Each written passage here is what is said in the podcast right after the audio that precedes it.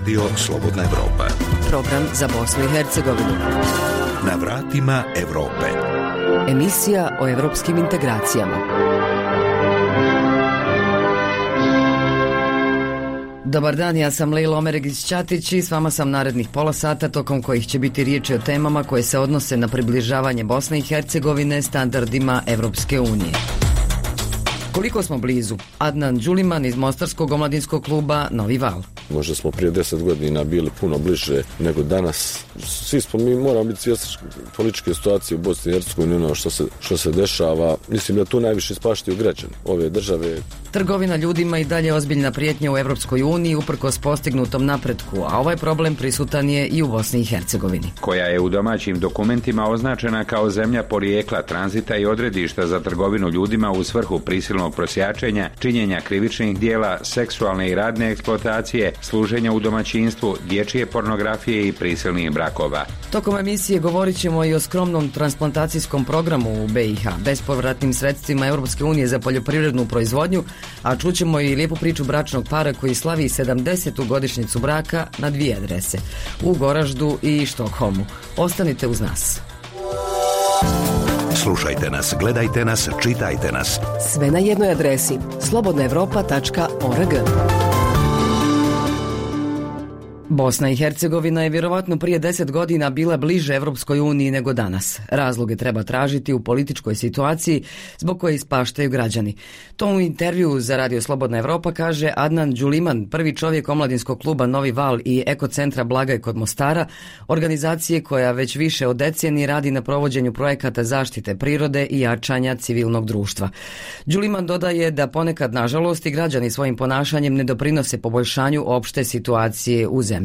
Više o tome u prilogu Mirsada Behrama. Omladinski klub Novi Val iz slikovitog Blagaja kod Mostara 15 godina radi na zaštiti autohtonih, hercegovačkih, biljnih i životinskih vrsta, zatim kroz edukaciju o prirodi na približavanju djece osnovaca pripadnika tri konstitutivna naroda iz Mostara i Nevesinja. Učestvuju i u kampanji da se zabrani izgradnja mini hidroelektrana na BH rijekama. U intervju vođenom u ekocentru Blagaj smještenom pored tog mjesta u Kraškom klancu, prvi čovjek Novog Vala, Adnan Đuliman, kaže da nakon svega može reći da je BiH danas daleko od priključenja Evropskoj uniji. Možda smo prije deset godina bili puno bliže nego danas. Svi smo mi moramo biti svjesni političke situacije u Bosni i Hercegovini, ono što se, što se dešava. Mislim da tu najviše ispaštaju građani ove države. Đuliman tako navodi da organizacija Novi Val provodi projekat Misli o prirodi u pet mjesta u oba BH entiteta i među sva tri naroda. Nevesinju, Ljubinju, Stocu, Čapljini i Blagaju. Raspoloženje je svugdje slično. I mi smo na terenu, mi razgovaramo ljudi s ljudima, mi, znači manje više to je sve u par deka, što bi se reklo, između, između svih ovih lokalnih zajednica i, i stvarno je nekako imam osjećaj da je ljudima više puna kapa cijele te priče, da svi žele da rade, da ostaju ovdje, da se bore, a mi ukoliko želimo da idemo prema Evropskoj uniji, čeka nas dugotrajan i proces i put, A put je dug jer se još uvijek u BiH ne zna tačno kako sistem funkcionira i ko je za šta nadležan i odgovoran. Predsjednik omladinskog kluba Novi Val, Adnan Đuliman, govori. Sad zamislite šta se dešava na manjim nivoima vlasti i u manjim sredinama kad vi idete u šest nekih različitih kancelarija i dobijate odgovor nismo mi zato soba broj 3, vi uđete u soba broj 3, on kaže ne, ne, ne, ne, pogriješili ste soba broj 5, vi dođete u soba broj 5, to nam kažu, ma ko vas je poslao mi ovo, mi uopšte nemamo pojma o čemu vi pričate. Đuliman podsjeća i kako ljudi u BiH imaju bogom danu prirodu, kojom se načelno svi ponose. Onda odete malo na ulicu, odete, pogledate rijeke, šta nam se dešava s rijekama,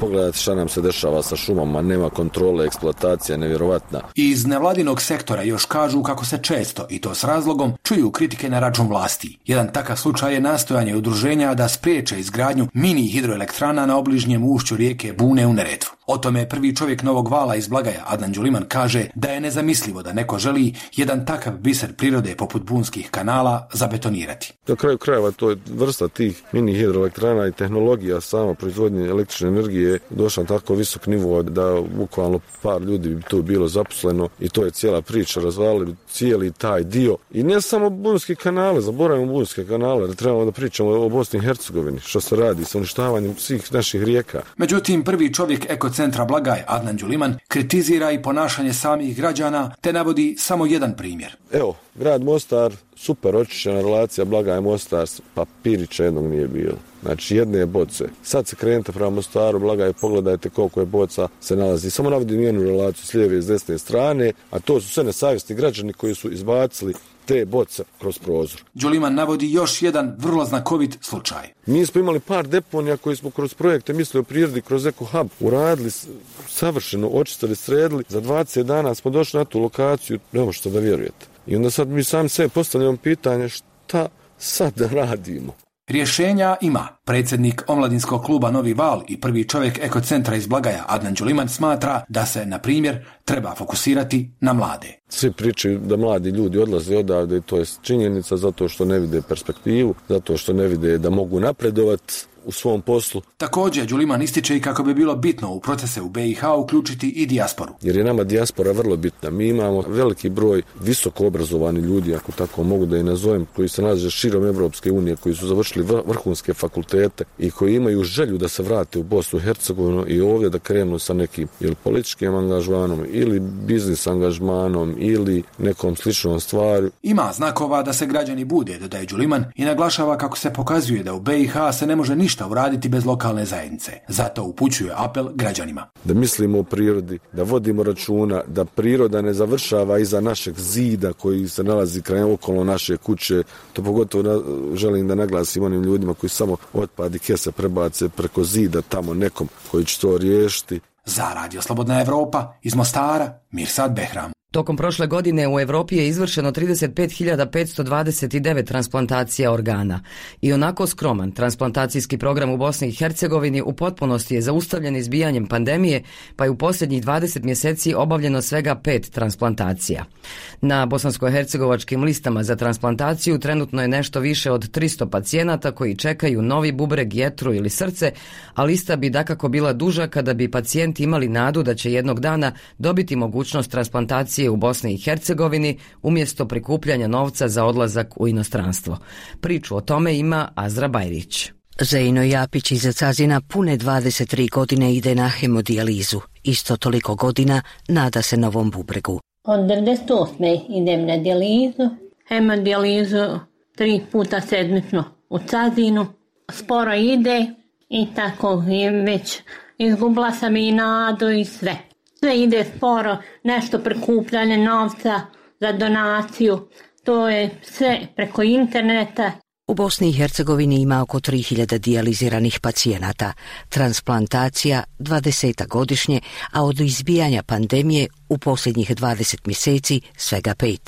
Tomislav Žuljević, predsjednik Udruženja dijaliziranih i transplantiranih pacijenata Federacije BiH. Od 1999. godine kako se radi transplantacije u Bosni i Hercegovini pa do dana današnjeg urađeno je transplantacija onoliko koliko Hrvatska uradi godišnje. Nemoguće je da Hrvatska može toliko da bježi od nas. Imamo iste ljude, stručnjake, maltene isti mentalitet. Na tom planu moramo poraditi eh, iz razloga što nam ljudi umiru. Imamo 400 ljudi koji umru godišnje na dijalizi, imamo ljude koji čekaju na transplantaciju srca koji su bez ikakve nade, obzirom da se transplantacija srca u Bosni i Hercegovini ne radi. Najbolje to zna Nermin Zubović iz Velike Kladuše, koji je već pet godina prvi na listi za transplantaciju srca. Zahvat se ne radi u BiH, a van granica ne može, jer Bosna i Hercegovina nema potpisan sporazum sa eurotransplantom. Već sam predao, ne znam gdje nisam, međutim nikvi naznaka nema da bi se nešto moglo desiti pozitivnom smislu, da bi se moglo odraditi neka transplantacija ili nešto. Kako meni, tako i drugima, mislim, izbilja muka što se tiče Bosne i Hercegovine. Jednostavno, transplantacijom rješavaš se pola lijekova, ne koristiš i više, imaš vraća se nekom normalnom životu, ko svakdje u svijetu, evo, Hrvatska primjer, Slovenija primjer, imam kolege koji su tamo transplantirani, koji žive normalnim životom. A ove odavde moje kolege što su došli na listu kad i ja, oni su završili u zemlji, nažalost. A to očekuje i nas ostalih. Na listi za transplantaciju srca je još 12 pacijenata, na jetru čeka 20, na bubreg oko 270. Realno se radi o većem broju ljudi koji čekaju na transplantaciju, no već su izgubili svaku nadu u mogućnost transplantacije u Bosni i Hercegovini. Tomislav Žuljević, predsjednik udruženja dijaliziranih i transplantiranih pacijenata, adresira odgovornost na vladu Federacije BiH, odnosno kliničke centre, jer novac i zakonska regulativa kada su u pitanju pitanju svi organi osim srca nisu prepreka. Zato što se svake godine odvoji 2,5 miliona maraka u fondu solidarnosti za transplantacije. Možete zamisliti, mi smo i 2020. odvojili 2,5 miliona pa smo imali 3 ili 4 transplantacije. Evo, 2021. ćemo imati možda desetak transplantacija do kraja godine, a odvoji se 2,5 miliona. Dakle, novac nije problem. Zakon nije problem, zakonsku regulativu smo izmijenili. Izgubivši nadu poput Zejne sa početka priče, ljudi spas traže van Bosne i Hercegovine i sami prikupljaju sredstva. Bosna i Hercegovina se pretvorila u državu apel za pomoć. Evo pogledajte okruženje, postoji li to igdje? Zaista mi je žao ljudi koji su u potrebi i koji moraju prikupljati novac. Žao mi je nije zato što imamo oni koji to zloupotrebljavaju. Imate ljude koji prikupljaju novac, a nije potreba Morate znati da fond solidarnosti svaku transplantaciju koja se ne može uraditi u Bosni i Hercegovini plaćaju. Znači imate recimo par koji imaju kontrakrvnu grupu i sad trebaju ići u Tursku ili u Hrvatsku na transplantaciju ili u Francusku, nebitno, to plaća država. Dakle, imaju novci odvojeni, ne, nevezano za ova 2,5 miliona transplantacije koje se rade u Bosni i To su posebni novci. Udruženje dijaliziranih i transplantiranih pacijenata Federacije BiH i donorska mreža Bosne i Hercegovine stoga su ove godine povodom Europskog dana doniranja organa pokušali javnim apelima nadležnima ukazati na potrebu intenziviranja transplantacijskog programa u Bosni i Hercegovini, ujedno senzibilizirati javnost o potrebi razvijanja donorske mreže jer u Bosni i Hercegovini za razliku od europskih zemalja transplantacije se uglavnom rade sa živih donora. Za Radio Slobodna Europa, Azra Bajrić. Trgovci ljudima u jednoj godini na globalnom nivou prema procjenama ostvare dobit od skoro 30 milijardi eura. Ovo se navodi na stranicama Europske unije, čije je glavno političko tijelo Europska komisija ove godine predstavila novu strategiju za suzbijanje trgovine ljudima do 2025. godine.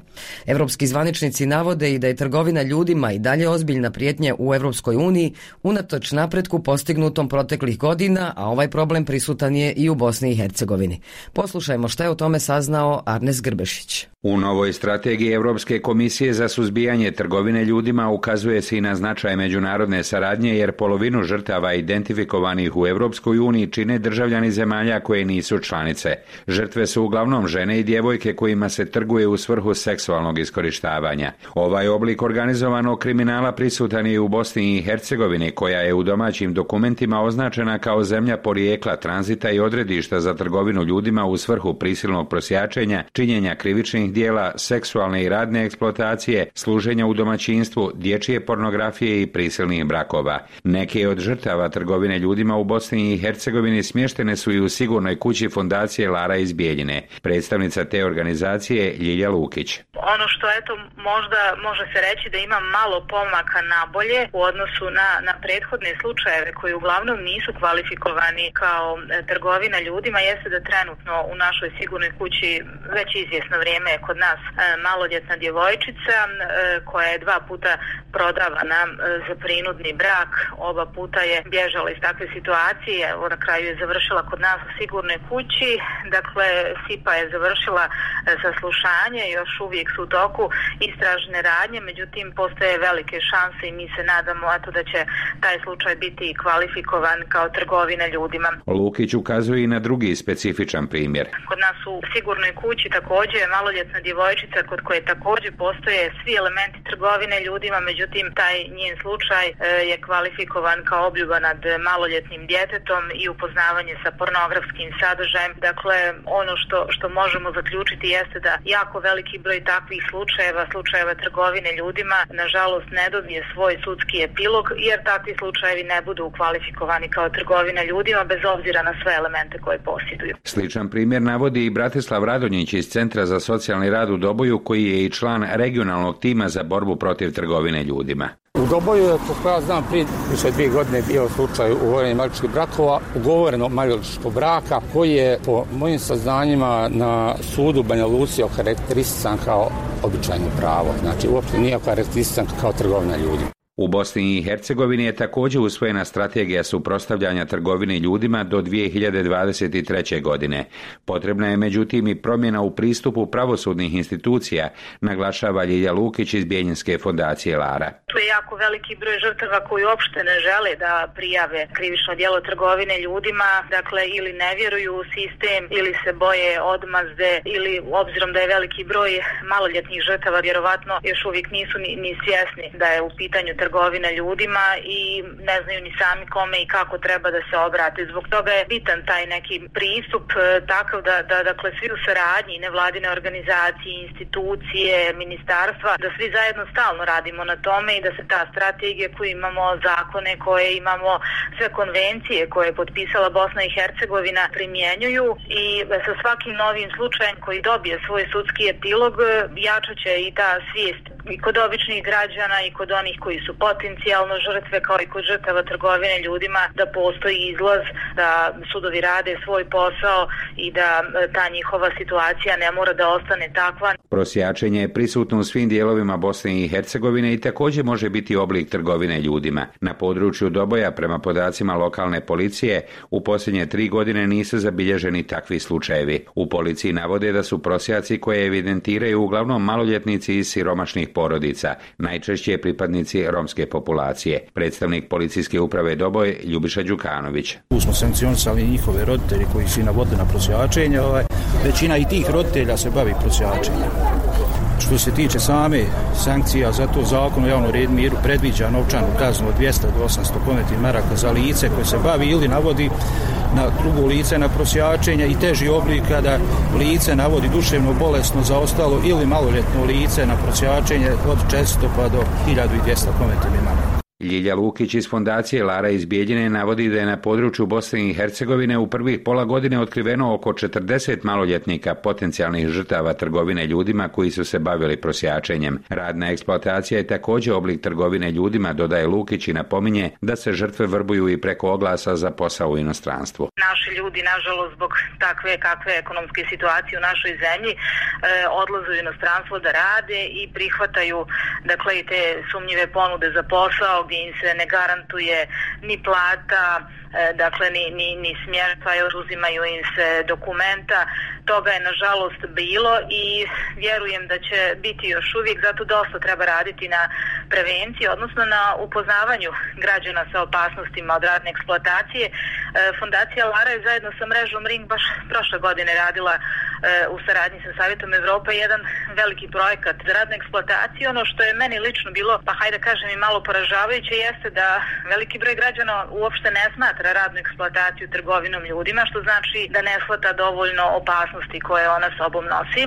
I još e, jedna stvar na koju dosta, dosta treba obratiti pažnju, dosta raditi na prevenciji, jeste sve veće regrutovanje maloljetnih i, i čak i mlađih ljudi koji više nisu maloljetni putem digitalnih tehnologija, a kasnije dakle iskorištavanje za različite vidove trgovine ljudima uključujući i seksualnu eksploataciju. Dio nove evropske strategije za suzbijanje tog dijela organizovanog kriminala odnosi se na razbijanje poslovnog modela trgovaca ljudima na internetu i izvan njega, te se precizira kako će Europska komisija voditi dijalog sa internetskim i tehnološkim kompanijama kako bi se smanjila upotreba virtualnih platformi za vrbovanje i iskorištavanje žrtava.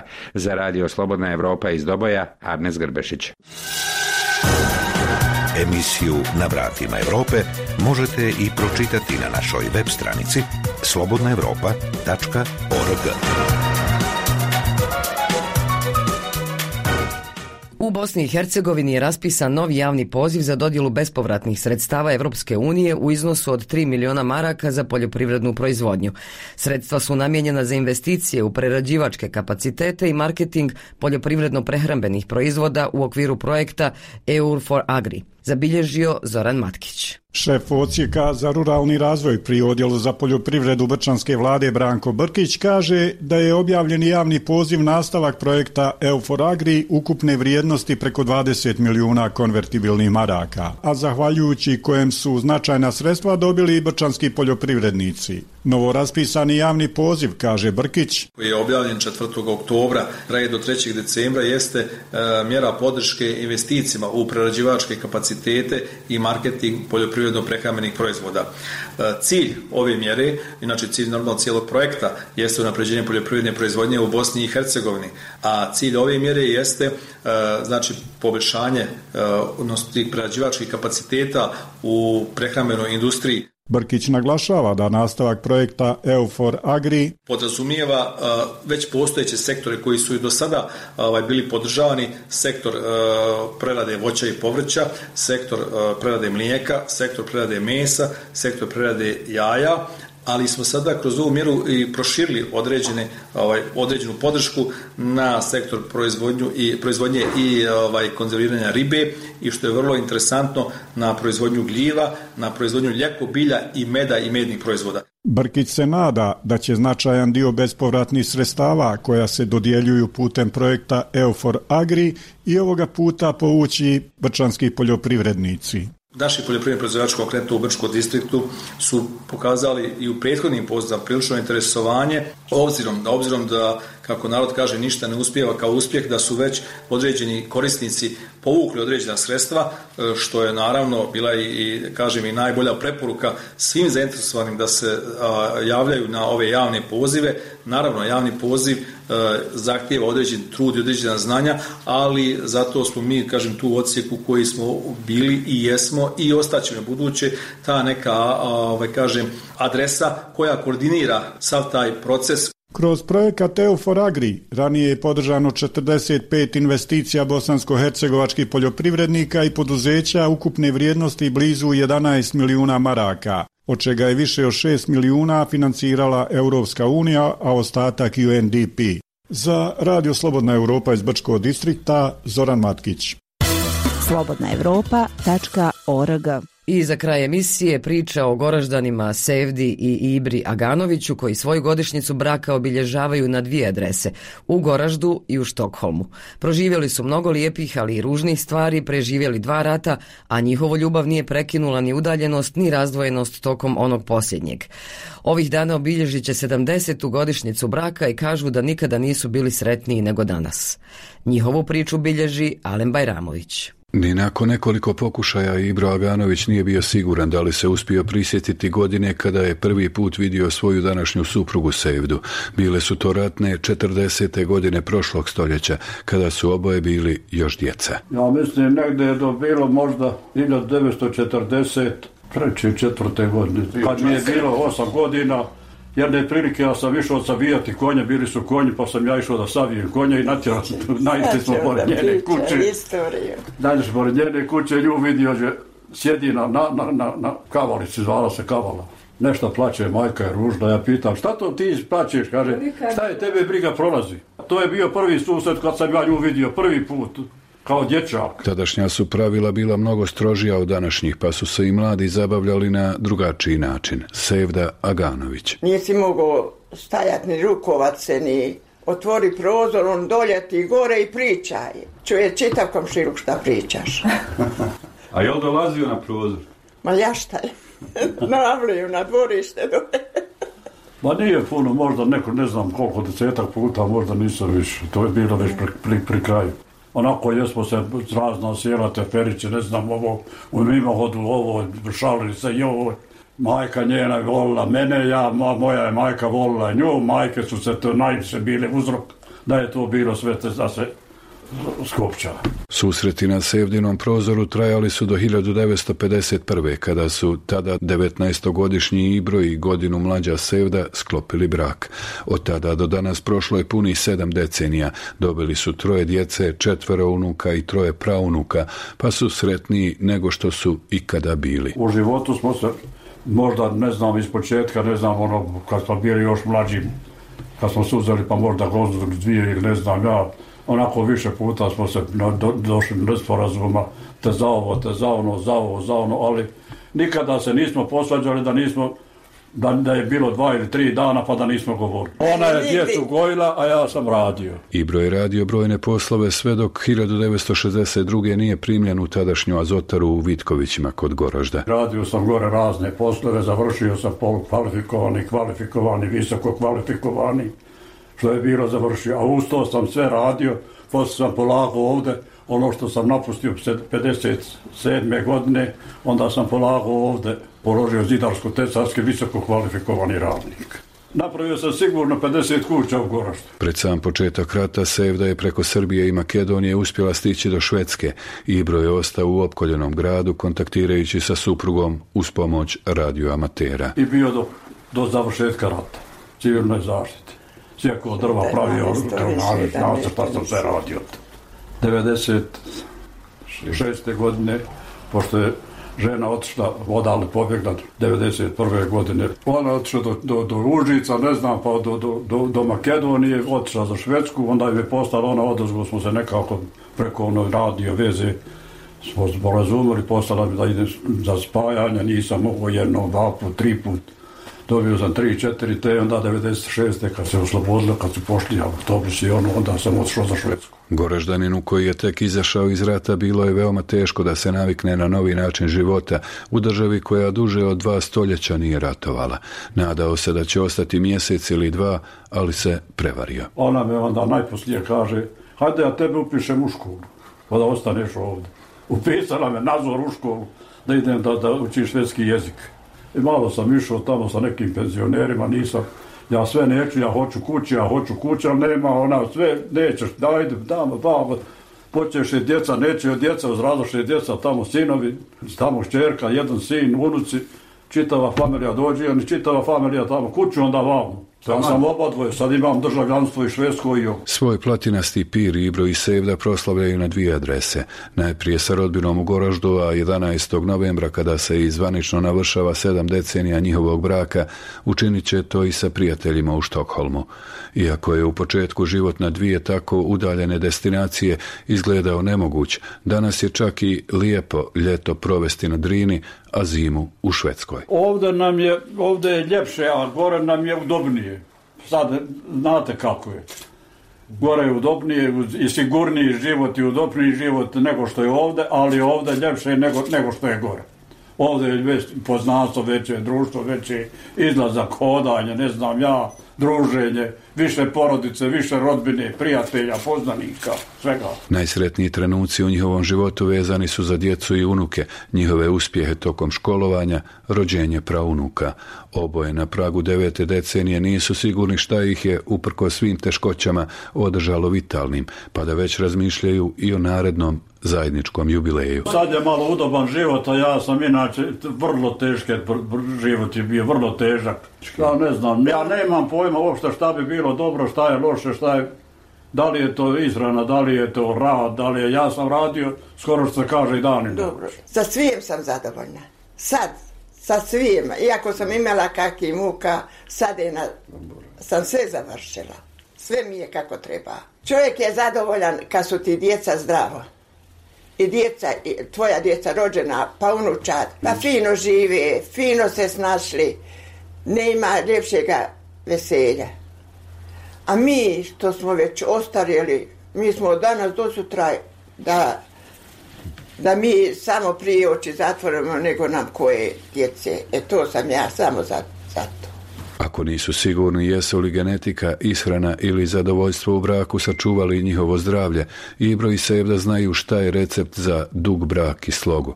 Mnogi će reći da je to razumijevanje, međusobno poštovanje, ali slavljenici iz Goražda na prvo mjesto stavljaju nešto drugo. Najvažnije je da imaš dosta para. Onda imaš sve. Imaš i poštovanje i sve imaš ako imaš pare. Ako ne imaš para, najviše je svađa za to. Kažu, nije sve u parama. E, Boga mi je danas. Jeste vas da je bilo. I danas, i danas i vas. A što ovi prave onda milijone i milijarde ako nije za pare, što će im te pare? Ja sam vas da radio, imali, smo para, nikad nam ni za što zatrebalo nije da, da nemamo. Samo sam jedan jednom kredit digao, ne znam što sam ga digao. Nikad nisam kredita digao. Zarađivao sam toliko koliko nam je god trebalo da, da i kuće da pravimo. Napravili se, ja napravio, ovo je moja treća, ova, pa da pravio sinu kuću, pa pravio, njemu napravio tostavio kuću, pa Žergi napravio kuću, pa tamo. Četiri kuće mi imamo. Za radio Slobodna Evropa iz Goražda, Alen Bajramović.